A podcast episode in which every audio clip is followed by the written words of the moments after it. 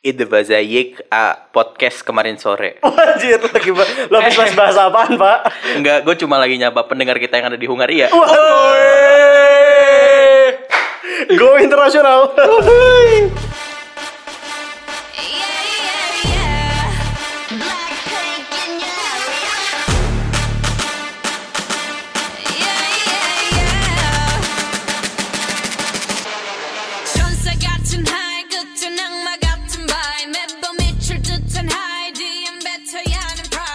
Oke, welcome back to podcast kemarin sore. Eh, hari ini di sore yang cerah ini alias mendung.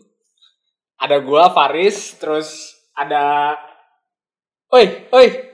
Jawab dong. Oh iya, saya ada nih Dan hari ini kita kedatangan pendengar setia kita. additional player. Additional sekaligus eh, jabatan barunya adalah additional player untuk menggantikan kita-kita yang selalu sibuk. hi dulu dong, hi. Halo semuanya, wadap wadap, gue Ave. Ya, ini adalah pakar Wikipedia kita. Tapi hari ini dia berjanji untuk tidak bawa Wikipedia. Ya. hari Dia itu- sombong bos. Hah? Sebelum rekaman, oh, ini lihat ya, HP gue gue masukin dulu nih gitu. Oh, se- ini sebuah komitmen ya. Sebuah, komitmen. luar biasa. Tidak akan buka HP. Ah, tidak akan buka HP. Percaya aja percaya. Iya. Kan nggak bisa lihat kan, percaya aja. Dan kenapa kita mengundang Ave karena eh, beliau mengakui topik keahliannya dia gitu. Udah, bisa. Kayak gitu. Jadi Anjing lu kalau jadi moderator bareng lu tuh emang selalu ini Riz memberi beban beban sosial. Iya sih bener. Sedih banget. Tidak pernah meringankan obrolan bang Oh, sama iya. Faris. suka lepas sih jadinya. Oke, jadi apa yang apa yang membuat kita ngangkat topik ini harus bareng Ave? Oke, karena kita akan eh, membahas hal yang berhubungan dengan kampus. Ya. Kayak gitu. Dan gue masih mahasiswa. Nah, iya, termasuk depan lu juga masih. Oh masih mahasiswa. Oh iya. Maaf maaf maaf. Iya, jadi Ya udah, ya kenapa gue hari ini moderator karena gue doang yang alumni, maksudnya di sini. Dia tidak punya Tapi nggak apa-apa. kepentingan lagi. Tapi Apa apa? Ah, bilang gitu loh. tolong follower saya Biar Dani aja khususnya anak-anak politeknik. Ini ada yang minta dicibir ya. Twitternya Dani Rizky. Ya, Instagram juga. vokasi dan politeknik di mana saja, Iya, maafkan iya. saya, maafkan Dani ya. Jangan jangan jangan kapok dengerin kita. Oke, jadi intinya hari ini kita gue pengen angkat satu berita. Jadi baru-baru ini baru aja eh, ada satu berita di mana salah satu menteri Jokowi ya yang paling sering mengeluarkan memang statement kontroversial. Ya, ya. Khususnya hari ini karena kita posisinya lagi masih pesta demokrasi gitu ya pemilu. Terbaru ini eh, Menristek Dikti dituduh katanya ya, eh bukan dituduh, terbukti melakukan eh, pelanggar pelanggaran eh, di masa kampanye di mana eh, jadi gini ceritanya di UB Sudah itu- terbukti tuh ya? Sudah terbukti dan Udah itu dilaporkan lah ya. sudah dilaporkan ya. dilaporkan. Eh, berita terbaru tuh yang udah ngelap, yang ngelaporin itu adalah teman-teman dari aliansi BMC Hmm. kemarin tuh diwakilin korpusnya sama beberapa kampus. Nah, eh apa? Jadi memang di Kenapa Kejadian BMSI itu. jadi kayak GNPF MUI anjing? ngelaporin ngelaporin pelanggaran. karena Guna anjing BMSI. angkat tangan. Semuanya ya Iya lanjut lanjut. alumni. Lu lu masuk BMS ya, Bang? iya kan? Oh iya ya. Waduh, Lu masuk kali? berapa dia angkat Enggak, tangan? gua kan enggak pernah di Univ. Oh, eh, tapi lu katanya lu ini juga. Iya, waktu itu gua bukan ketua AA. Oh iya iya. Waktu itu bukan bukan Iya. ketua. Jadi eh di Malang itu di UB kebetulan ada suatu acara untuk bidik misi. Hmm. Temanya bagus. Hmm. Eh, gimana intinya adalah mahasiswa itu untuk men- menghadapi revolusi industri 4.0 jangan hanya kerja aja, tapi I- juga bisa wirausaha. Itu itu seminar di mana-mana kayak gitu enggak? Iya, kayak gitu. banget. Milenial revolusi industri 4.0 udah. Kayak Iya, enggak enggak ada lagi topik lain gitu. seperti itu nah, sosiopreneur atau lagi ya? Ya. Sosiopreneur. Nah, makanya maka eh, si seminar atau diskusi ini ya mungkin memang jadi bisa jadi emang kamuflasenya Bapak Menteri ya mungkin ya Hmm. kayak gitu. Ternyata oh ternyata di akhirnya tiba-tiba beliau ini mengeluarkan satu QR code. Gede gitu ya. Dan seluruh peserta itu eh, mahasiswa bidik misi eh, diminta untuk di-scan. Ternyata isinya adalah apa? Itu adalah eh, caka- eh, capaian dari Jokowi selama 4 tahun ke belakang. Hmm. Kayak gitu. Jadi berbagai prestasinya, Tunggu. prestasinya doang. Jokowi atau capaian Menristek Dikti? Capaian Jokowi. Berarti Makanya bukan sungguh amat tidak nyambung dengan tugas Bapak kan? Enggak enggak paham. ini ya kalau yang gue inget yang bisa gue mention dia tuh menyebutkan contohnya prestasinya adalah Indonesia sebagai negara nomor dua terbaik dalam investasi di dunia kayak gitu Hmm. jadi ini dari satu hal ini aja udah udah apa nggak nyambung kan dengan uh, bidang yang dipegang oleh Menristek Dikti kayak gitu Nah, berawal dari sana, akhirnya viral itu tuh viral eh, di berbagai akun anonim. Tapi eh, QR code-nya untungnya udah dia ada yang mengamankan gitu. Dihapus. Jadi udah enggak apa Oh, sempat ter apa terdokumentasikan gitu. Jadi eh, Barang buktinya aman Ya, berarti? sebagai barang buktinya udah aman. Tapi sekarang udah udah nggak aktif sih. Tadi gue coba iseng nyobain. Oh gitu. Ada udah, udah disebar itu di, di berbagai berita tuh ada web Oh. eh, webnya tuh apa dari QR code-nya itu. Nah, dari situ dan memang ternyata eh apa Menristek Dikti ini sebelumnya juga pernah melakukan kesalahan yang sama kayak gitu dan sering digoreng eh, oleh tem, eh, BPN kayak gitu. Menristek Dikti itu yang mantan rektornya UB ya? Eh, Bukan. bukan di, Peno- di Ponegoro. Eh apa ya? Iya salah satu Iya, di rektor Ponegoro. Univ ya. Mantan Kayaknya rektor Udip kalau nggak salah. Iya, Iya. Undip. Udip. Pokoknya di Jawa sana lah. Ya daerah-daerah Jawa. Kan Menristek Dikti? Tidak. Tidak. Mendikbud yang harus Oh. Mendikbud. Gua oh kira iya benar. Menristek benar, Dikti juga. Jadi hubungannya dengan rektor kita yang terkena kasus ini dan pembahasan sore ini apa? Nah, jadi eh, jadi menarik ini sekarang itu jadi diangkat itu adalah eh, ada eh, tekanan ini sih lebih ke posisi kampus dan juga eh, terhadap pemilu kayak gitu yang lagi jadi rame. Karena- Kampus dituding tidak netral lagi terhadap pemilu. Ya kayak gitu karena eh, ada kejadian juga di IPB eh, sempat ini nggak nggak ke kampusnya sih tapi lagi kebetulan lagi rame juga adalah di IPB itu sempat ada salah satu simpatisan gue lupa nomor 01 atau 02 yang membagikan eh apa sih semacam brosur gitu ya. Gue lupa alat peraga kampanye kayak gitu. Hmm. kayak gitu. Akhirnya eh, IPB pun eh, bikin sikap. Dia menolak untuk eh, ya kampus bukan tempat untuk kampanye.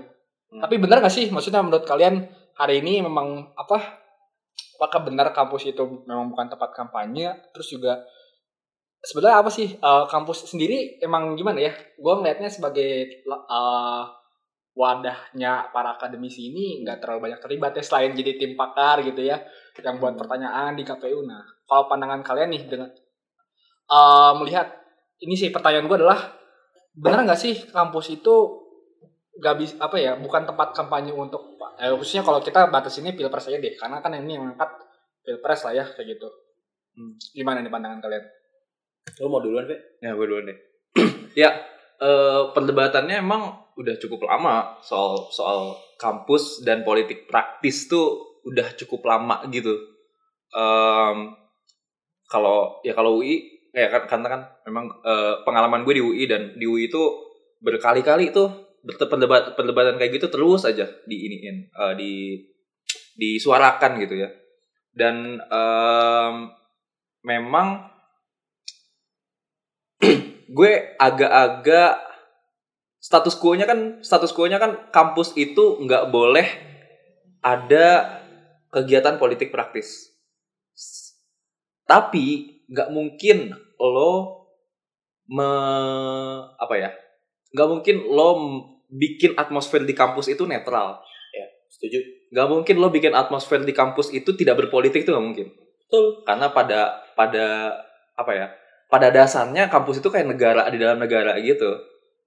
Ya semua kampus punya undang-undang IKM masing-masing, semua kampus punya presidennya masing-masing dan segala macam ya dan udah udah pasti gitu, udah pasti di kampus itu mahasiswa itu udah pasti berpolitik gitu. Nah, em, jadi jadi gue sebenarnya masih belum punya opini yang apa belum punya opini yang bener-bener ini ya belum punya opini yang benar-benar kuat terkait apakah em, kemudian kampus itu harus jadi satu negara sendiri yang kemudian nggak terpengaruh sama politik luar dari kampus itu gue masih belum punya belum punya standing point yang kuat sih sebenarnya. Lu gimana dan? Pertama ya, Fe. Ya. Kalau lo nyalon di ITB, gue kan milih biasa. Gua- Jadi selama ini. Tidak ada yang gue saya gak pernah ikut pemilu di ITB karena calon-calonnya tuh yang kayak wah kita harus bebas dari ini kita harus bebas dari ini. Duh, ngapain sih? Maksudnya menurut gue di satu sisi ketika lo mencoba memisahkan ini dan hanya politik kampus hanya berhubungan dengan luar dari sisi-sisi yang akademis gitu kayak penelitian dan lain-lain contohnya kita akan abai jatuhnya berapa tahun belakangan itu pasti BMSI punya stigma yang negatif dari luar kan. Ketika kita mencoba mendemo sesuatu dari sisi akademis, tapi pandangannya kayak, ya lah BMSI tahu apa. Menurut Ya. gua itu adalah hasil dari kita mencoba memisahkan diri dari politik yang ada di luar. Mhm. Nah jadi gue sama sekali nggak setuju. Apalagi kalau ini diperkarakan misalnya yang kayak eh, Menristek Dikti itu, karena menurut gue itu emang me- kemewahannya petahana aja gitu. Colongan kampanye dia punya belum masa kampanye, ya memang itu fasilitas yang dia punya. Buat gue memprotes itu kayak ya ngapain sih lu nggak punya cara yang lebih bagus aja apa? Jadi gue kayak bingung gitu. Ngapain sih? Makanya gue bilang nih, aduh, Jadi MSI tidak ada kegiatan.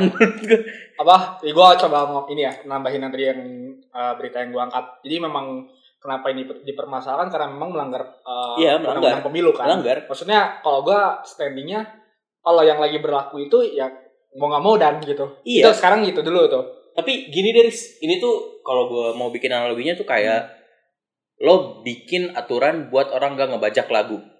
Oke, ya. Gimana pun ceritanya kalau ada lagu yang dibajak itu akan lo akan melanggar aturan gitu. Iya, Mhm. betul. Tapi semakin teknologinya maju, semakin banyak varian buat ngebajaknya, tetap akan ada pelanggaran yang nggak akan terdeteksi gitu. Ini sekarang terdeteksi nih si pelanggaran Pelanggaran, Menristek Dikti. Tapi banyak lah formatnya kayak di ITB ada studium generale itu semua menteri belakangan kalau masa kampanye tuh mau ngisi studium general di ITB. Kalau lagi nggak periode kampanye Iya, nggak iya, ada yang iya. mau datang ke Iya, ITB. iya, iya. Jadi ada hal-hal ada kayak gitu hal akan selalu positifnya masuk ya, gitu. ada. Maksudnya hal-hal kayak gitu akan selalu masuk dan ada yang kedeteksi, ada yang enggak. Tapi ya, yang menurut gua penting adalah yang penting lu be aware kalau itu ya petahana emang fasilitas dan kemewahan dia. Nggak usah ribet-ribet aturan menurut gua. gue gue punya gue punya apa pandangan berbeda karena em eh kalau kalau analoginya analoginya ngebajak lagu ya yang ngebajak lagu itu bukan pemerintah gitu loh problemnya adalah ini Eh eksekutif enggak, ini, Ini bukan sebagai pemerintah ya. Ini Hmm. tuh sebagai kubu 01 yang mau kampanye gitu. oh ini tapi itu pemerintah nggak sih Iya, dan maksudnya kan itu bukan karena dia ingin mem- petahana kan Iya, petahana mau Iya. sebagai kubu 01 Iya. majunya gitu. Iya karena menurut gue itu jadinya executive overreach. Lo lo ada di institusi lo kita sepakat kita sepakat kalau PTN adalah institusi publik. Institusi publik itu bukan milik parpol, Betul. Iya. ya kan? Nah, ketika itu kemudian dicemari dengan dengan kepentingan parpol itu salah menurut gue ya. Problemnya adalah eh ini yang ini yang gue belum tahu ya. Mungkin lo bisa klarifikasi. Apakah kemudian yang ada di QR code itu benar-benar nggak nyambung sama Industri 4.0? Anggaplah itu nggak nyambung biar poin lo bisa keluar. Oke. Coba. Kalau anggaplah itu nggak nyambung sama Hmm. sekali, anggaplah itu kemudian benar-benar pure kampanye Iya. gitu ya. Hmm. Itu salah dan bisa dilaporin Iya, dan karena- udah bener dilaporin. Enggak gini, maksudnya balik lagi eh, Jokowi itu kenapa bisa apa ya presiden sih ya posisi presiden ini kenapa bisa apa ya, eh, si peraturan yang ada ini memang memudahkan banget untuk terus apa Aha, menambah satu aha. periode lagi nggak sih kayak gitu kan? Kalau kita bahas petahana, nah balik lagi ke posisi sekarang pejabat publik yang eh eh bukan pejabat publik bagi ke kampus yang hari ini eh apa ya tadi eh, anehnya adalah kenapa orang-orang akademisi ini tidak apa ya tidak terlalu banyak terlibat dalam proses pemilu ini gitu. Maksudnya eh kenapa hanya kita menyumbangkan pertanyaan? Kayak gitu. Kenapa eh mereka yang nggak datang gitu istilahnya ke, ke Hmm. kampus kan? Itu yang bukan hanya dipertanyakan oleh mahasiswa yang sekarang sedang menjabat gitu ya sedang jiwa aktivisnya lagi sedang tinggi tapi juga ada sebenarnya beberapa eh mungkin dosen gitu ya. Terus juga kemarin kan kalau nggak salah BPN juga mengiyakan ya. Kalau nggak salah setahu gua. Ya. ya mengiyakan kan kayak gitu. Kenapa nggak dibawa gitu ke kampus? Apalagi eh gua yang gua inget memang waktu pilgub jabat pun sebetulnya debatnya sempat di ini loh di UI loh. Iya, benar. di UI kenapa de- debat setahu gue pada saat awal eh, jadwal kampanye itu debat kelima itu belum ditentukan. Iya. nah mak- makanya sempat banyak eh, usulan kenapa nggak di kampus gitu. Kita coba di kampus agar eh, apa dilibatkan gitu secara secara benar-benar. Tidak kan kalau kita lihat yang sekarang kan pertanyaan itu bahkan disampaikannya oleh seorang moderator Iya, tidak langsung oleh uh, Pakarnya. perwakilannya gitu ya entah rektor guru besar atau mungkin dari uh, institusi apa institusi lembaga penelitian yang memang udah kredibel yang langsung bertanya gitu mungkin Lo juga mau langsung setuju mau menanggapi gains.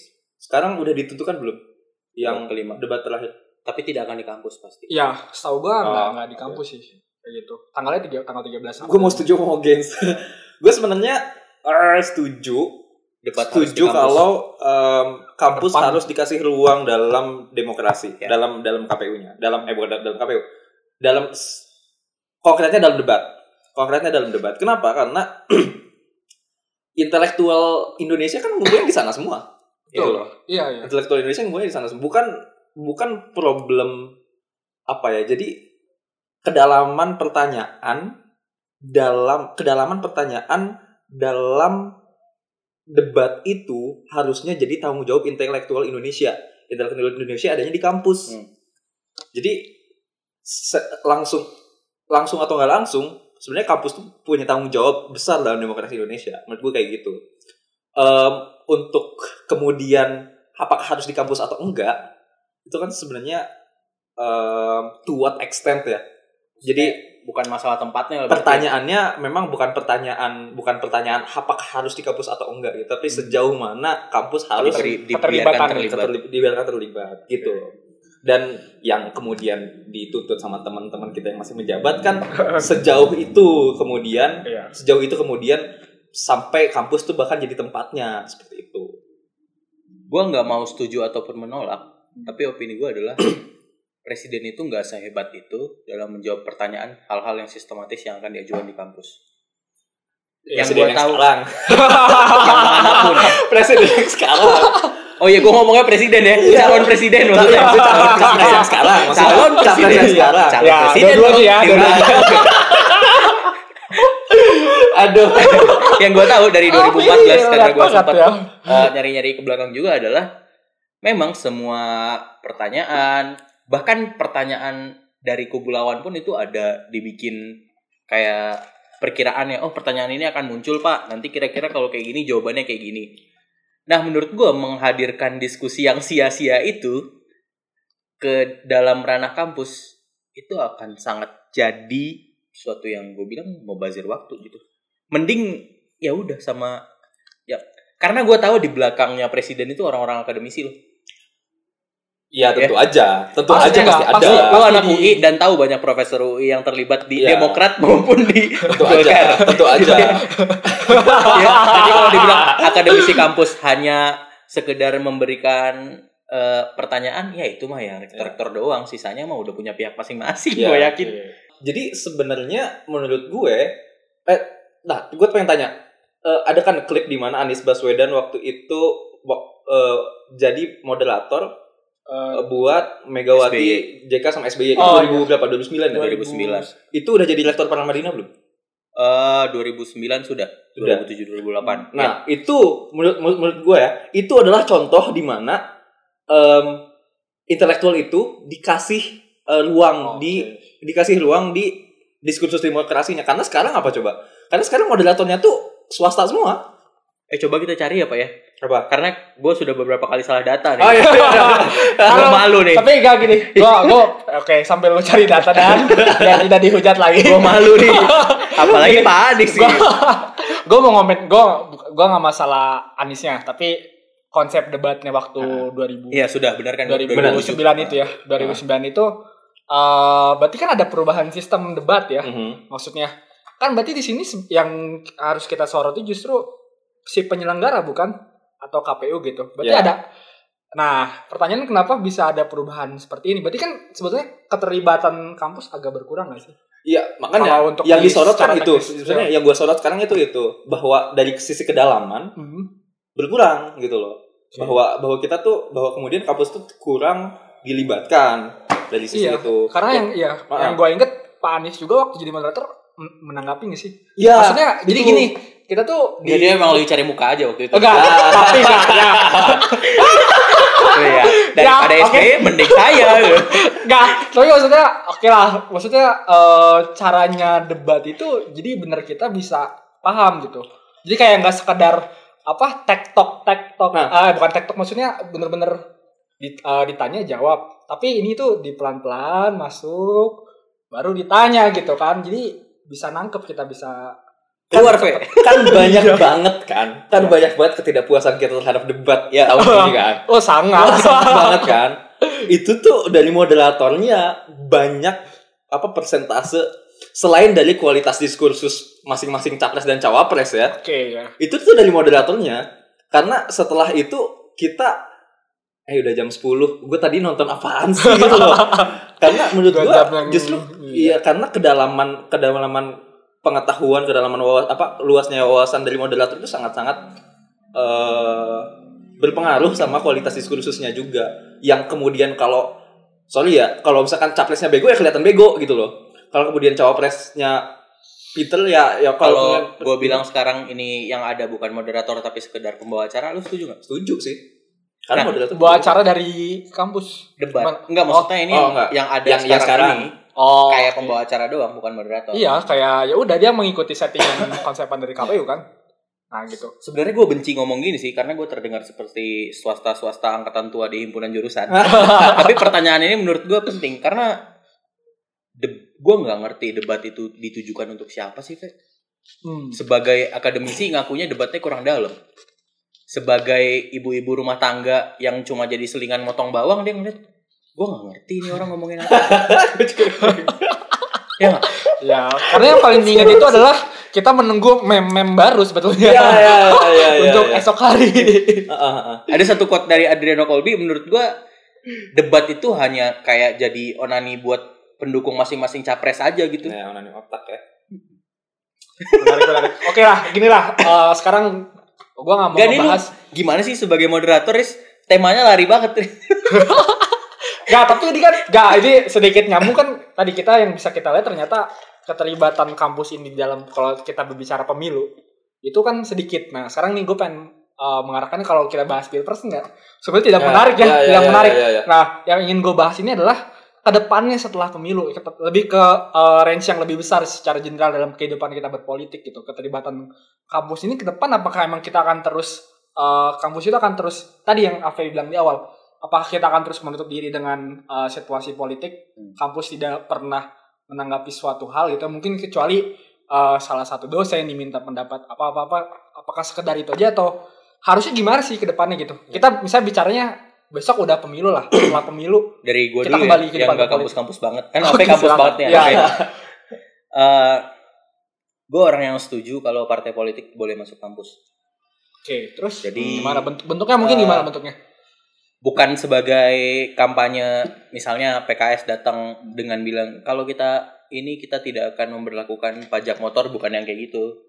Tapi lebih ke eh, pembentukan regenerasi terus pelibatan dalam eh, pengamatan sistem ideologi hal-hal yang kalau sekarang dibuka ke kampus sebenarnya ada tuh di ITB hal-hal kayak gitu. Tapi tidak ada kesinambungan pasca dari kampus setelah dia menjadi alumni. Yang kayak lo gini nih, sekarang karena nggak ada kesinambungan antara yang lo kerjakan di kampus dan selesai, itu lo kerjaannya sekarang hanya ngeribetin bem-bem yang baru, ya nggak? oh Ngikutin Kok yang sekarang ini nggak berkualitas. Dari senior-senior tau nggak? banget Iya nggak? Ya, itu gua membantu membantu Kerjaannya ngisi FPT, ya, jadi panelis, ya. gangguin-gangguin ya, Pe. ada Yang jadi gue kalau anak baru ngeliat lu, ini si bangsat ngapain sih udah tingkat 5 masih di sini aja gitu. nah menurut gua itu gap yang bisa diatasi dengan organisasi ekstra kampus ataupun kalau mau lebih praktisnya ya partai politik, sayap-sayap partai politik. Gimana dari Bapak akademisi?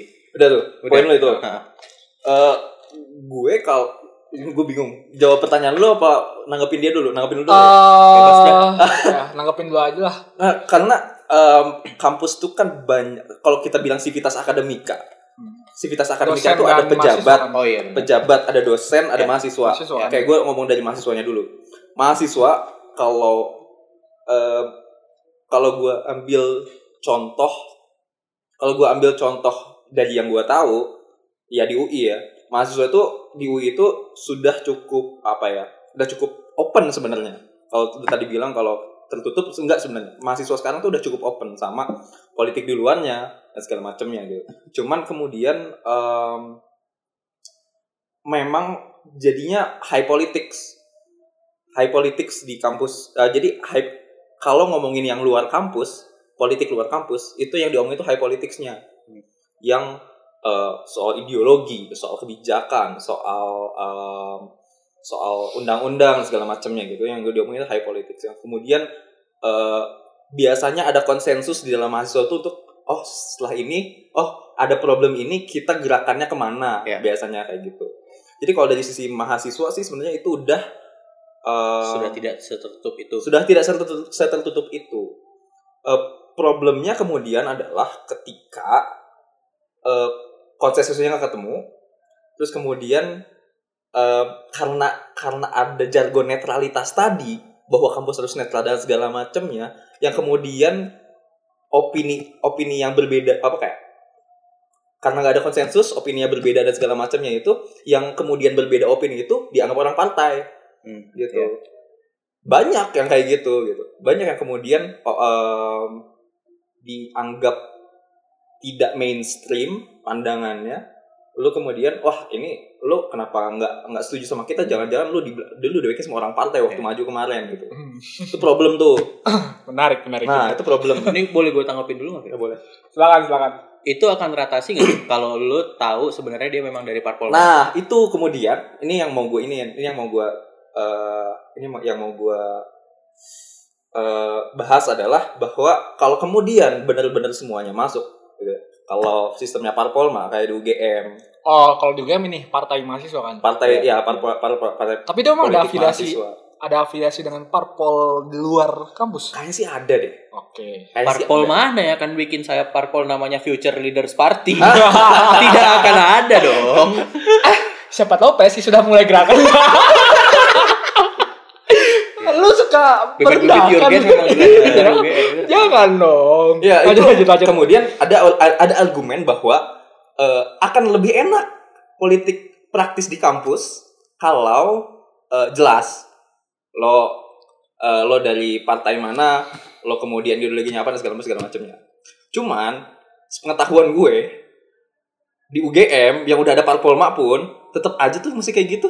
Tetap aja tuh masih kayak ah lu di belakang lu partai politik mana gitu-gitu. Maksudnya ad- masih tetap ada em, prasangka-prasangka dan sikap-sikap tidak sportif dalam demokrasi yang kemudian ada di parpol eh yang kemudian ada di eh, lingkup kampus demokrasi ka- eh, lingkup demokrasi kampus gitu loh jadi emang kedewasaannya juga masih harus dibangun Gue jadi terus, pengen nanya gitu itu sih, Fe.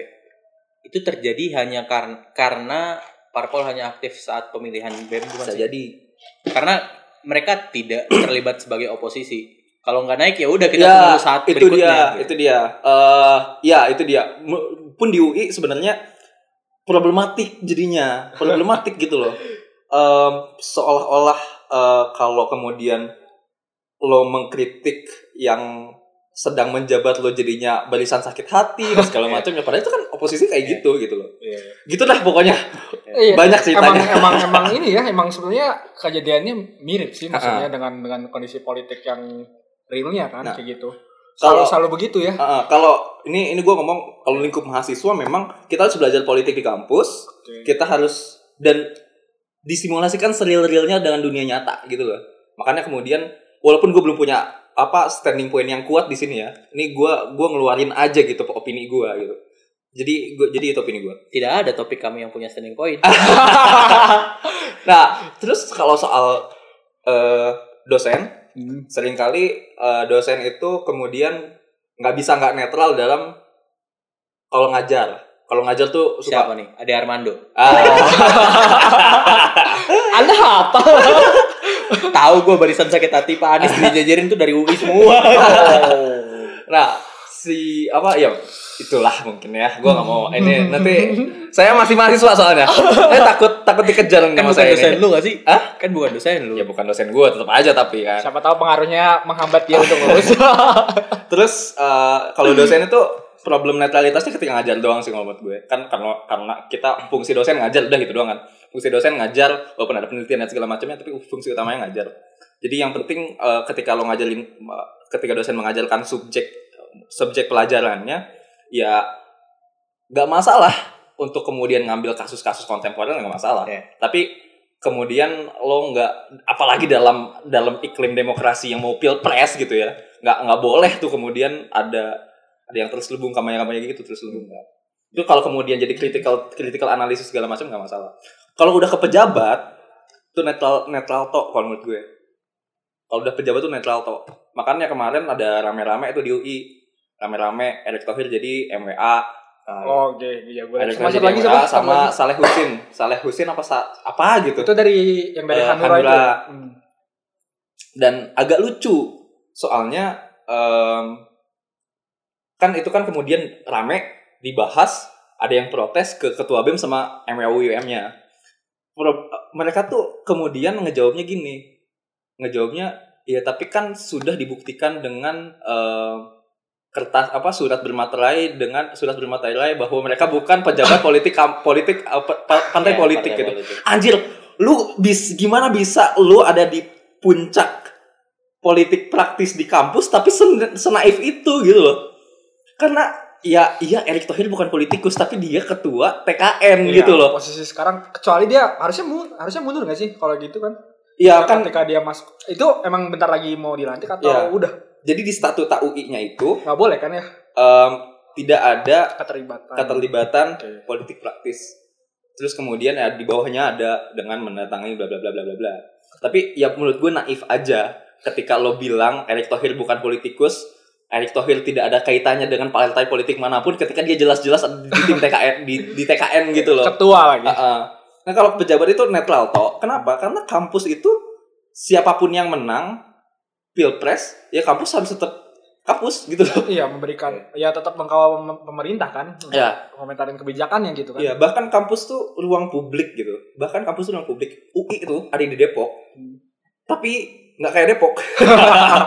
Kan ada di Salemba. Karena eh, UI itu kayak UI itu kayak udah negara sendiri aja gitu loh. Punya bis sendiri, punya gedung sendiri, punya kebijakan sendiri, bahkan kayak punya eh prajurit sendiri gitu. Kalau orang nge kalau orang mancing di danau UI kena tangkep sama sama satpam UI gitu, PLK UI gitu. Jadi kayak ya udah itu adalah ruang publik siapa pun yang menang gitu. Ruang publik bukan ruang publik bukan milik pemerintah aja gitu, itu milik publik. Itu sih.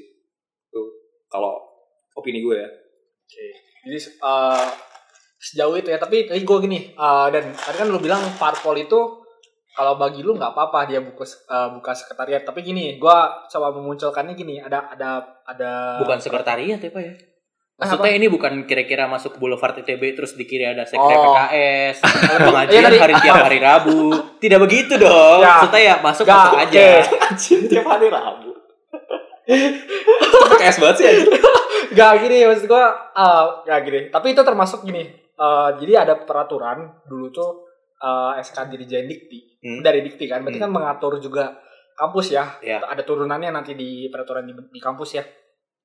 Ada pelarangan eh, apa organ ekstra kampus dan juga eh, politik praktis di lingkungan kampus kayak gitu. Jadi kalau untuk organ ekstra itu dia nggak boleh bikin sekretariat kayak gitu. Berarti kan kalau di sini politik praktis, nah ini sebenarnya kan yang jadi sel- selalu jadi permasalahan ini bentuk politik praktisnya itu seperti apa kan? Kayak gitu Iya. yang selalu jadi jadi jadi pertanyaan.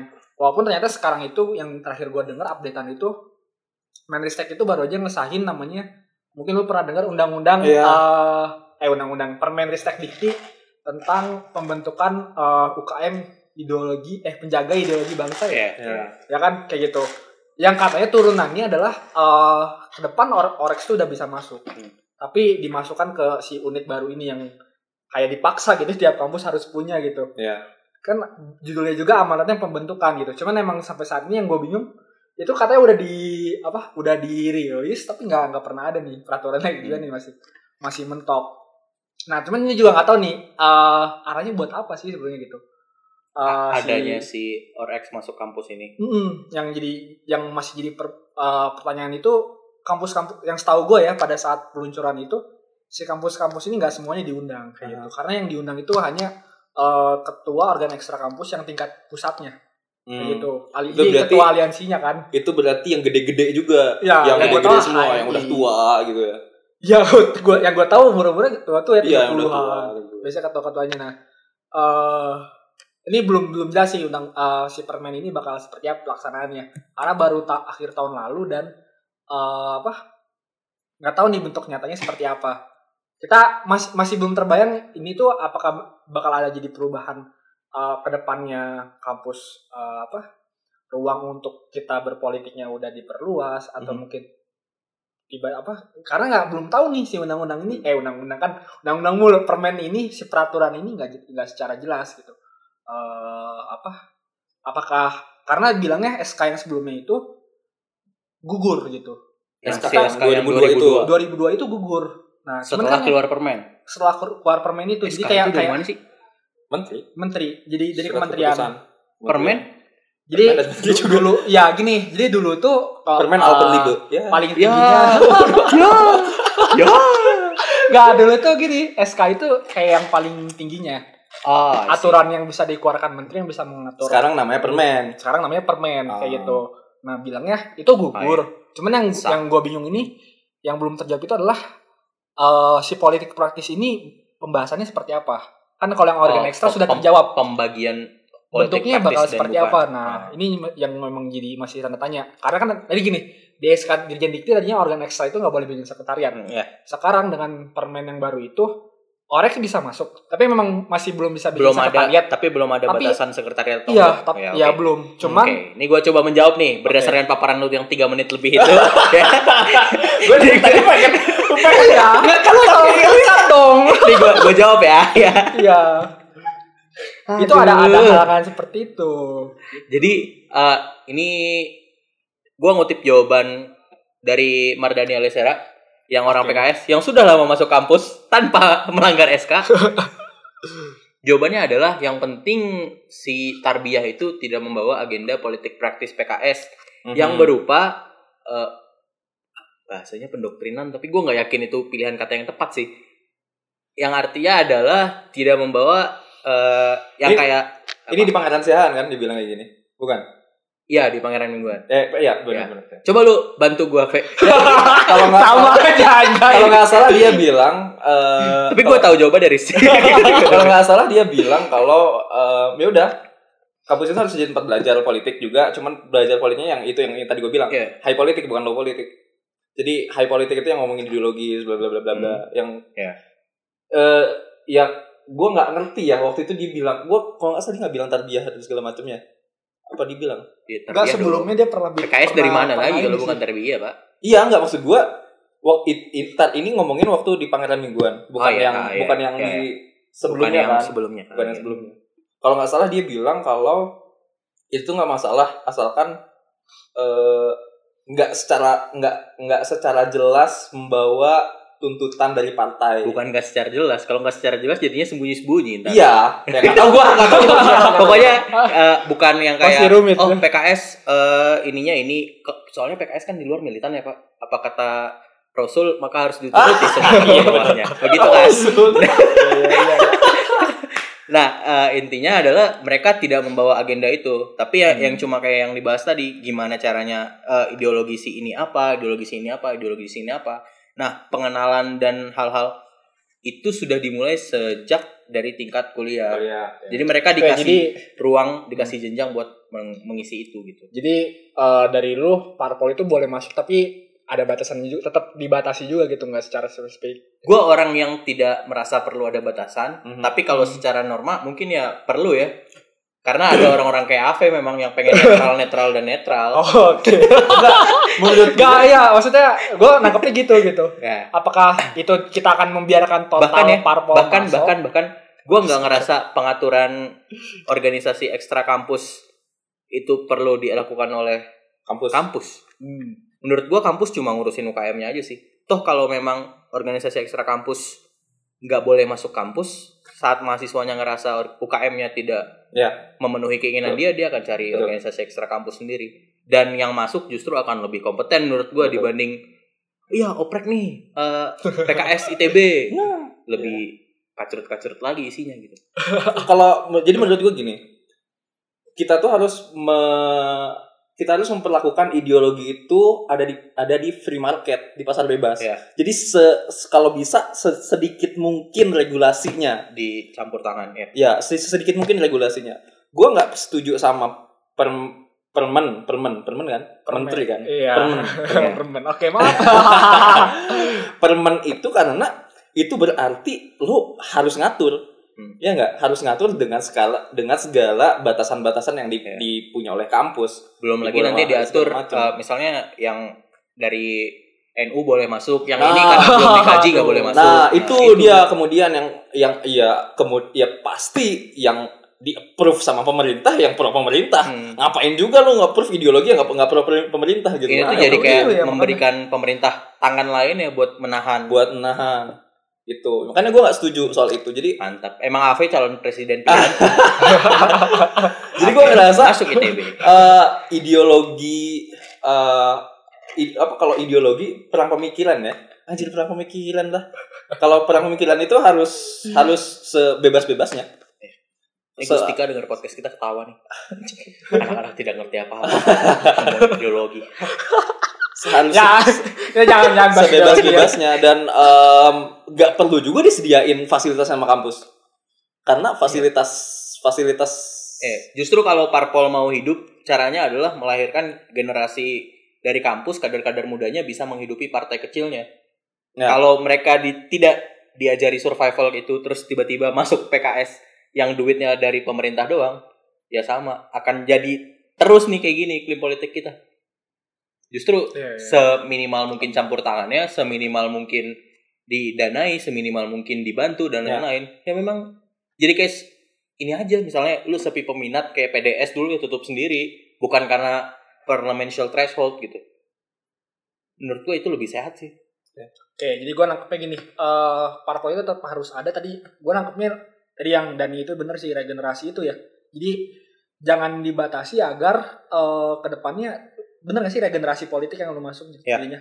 Adanya partai masuk itu agar orang-orang yang nantinya memang ingin berkarir di politik atau mengabdi untuk negara eh ya sebagai pejabat publik itu entah legislatif atau eksekutif itu gimana ya? Jadi nggak kayak gagap gitu ya? Jadi k- kalau di kampus belum pernah dapat mungkin pendidikan politik atau ya kita nggak tahu ya kalau partai secara spesifik apalagi ini aja mungkin ya kalau yang masuk legislatif legislatifnya ya kayak gitu agar siap bener-bener siap gitu. Dan tadi efek jangka panjang gue gua nangkep mungkin kalau mengambil kata Kang Zaki kemarin kita nggak akan kehabisan stok. calon-calon apa Hmm.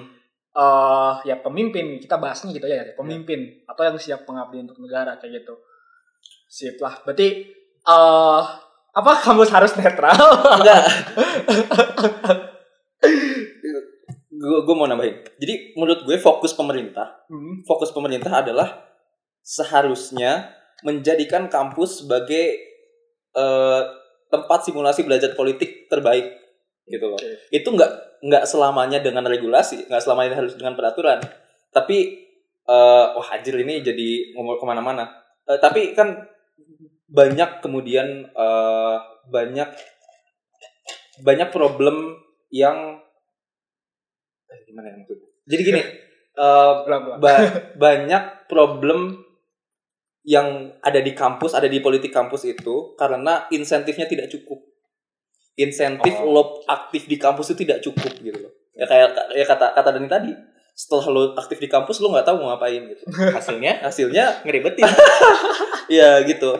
Bahkan kalau lo di lembaga legislatif kampus isinya tuh kayak orang-orang yang orang-orang lembaga legislatif ya. Kalau lembaga legi- legislatif kan gue taunya lembaga legislatif tuh di kampus itu DPM DPM itu orang-orang ya maaf maaf nih teman-teman. Yang agak-agak gabut. yang agak-agak gabut yang kemudian ya jadi orang jadi jadi caleg dibuat fakultas itu gampang gitu loh. Nggak ada lawannya segala macam. Itulah prestisnya nggak ada insentifnya nggak ada. Tuh menurut gue kemudian lo tuh harus eh, jadi kemudian harus ada insentif bagi aktivis kampus sehingga banyak yang kemudian mau mau menghidupkan dan mau belajar gitu loh. Itu gua nggak nggak tahu sih apakah solusinya insentif ya. Kalau insentif kan kita mikirnya soal duit dan segala macamnya. Cuman fokusnya adalah harus eh, simulasi simulasi bernegara di kampus itu ditambah gitu loh. Ditambah realitasnya. Baik Iya. itu dengan eh, pemasukan partai politik ataupun dengan pembentukan partai politik mahasiswa Ah. Menurut gue itu sepertinya konklusinya mas Iya, terima kasih telah membantu Mas. Itulah tugas tamu sebetulnya karena dia yang lebih menguasai, menguasai sebetulnya. saya yang bingung di sini. Jadi ah, teman-teman eh, untuk hari ini kita tadi bahas tentang ya Ya, untuk hari ini kita belajar sisi lain dari AV. Ternyata ini adalah sebuah keluh kesah ya? Terima kasih telah Betul, mendengarkan uh, podcast kemarin sore. Sampai bertemu lagi di episode selanjutnya.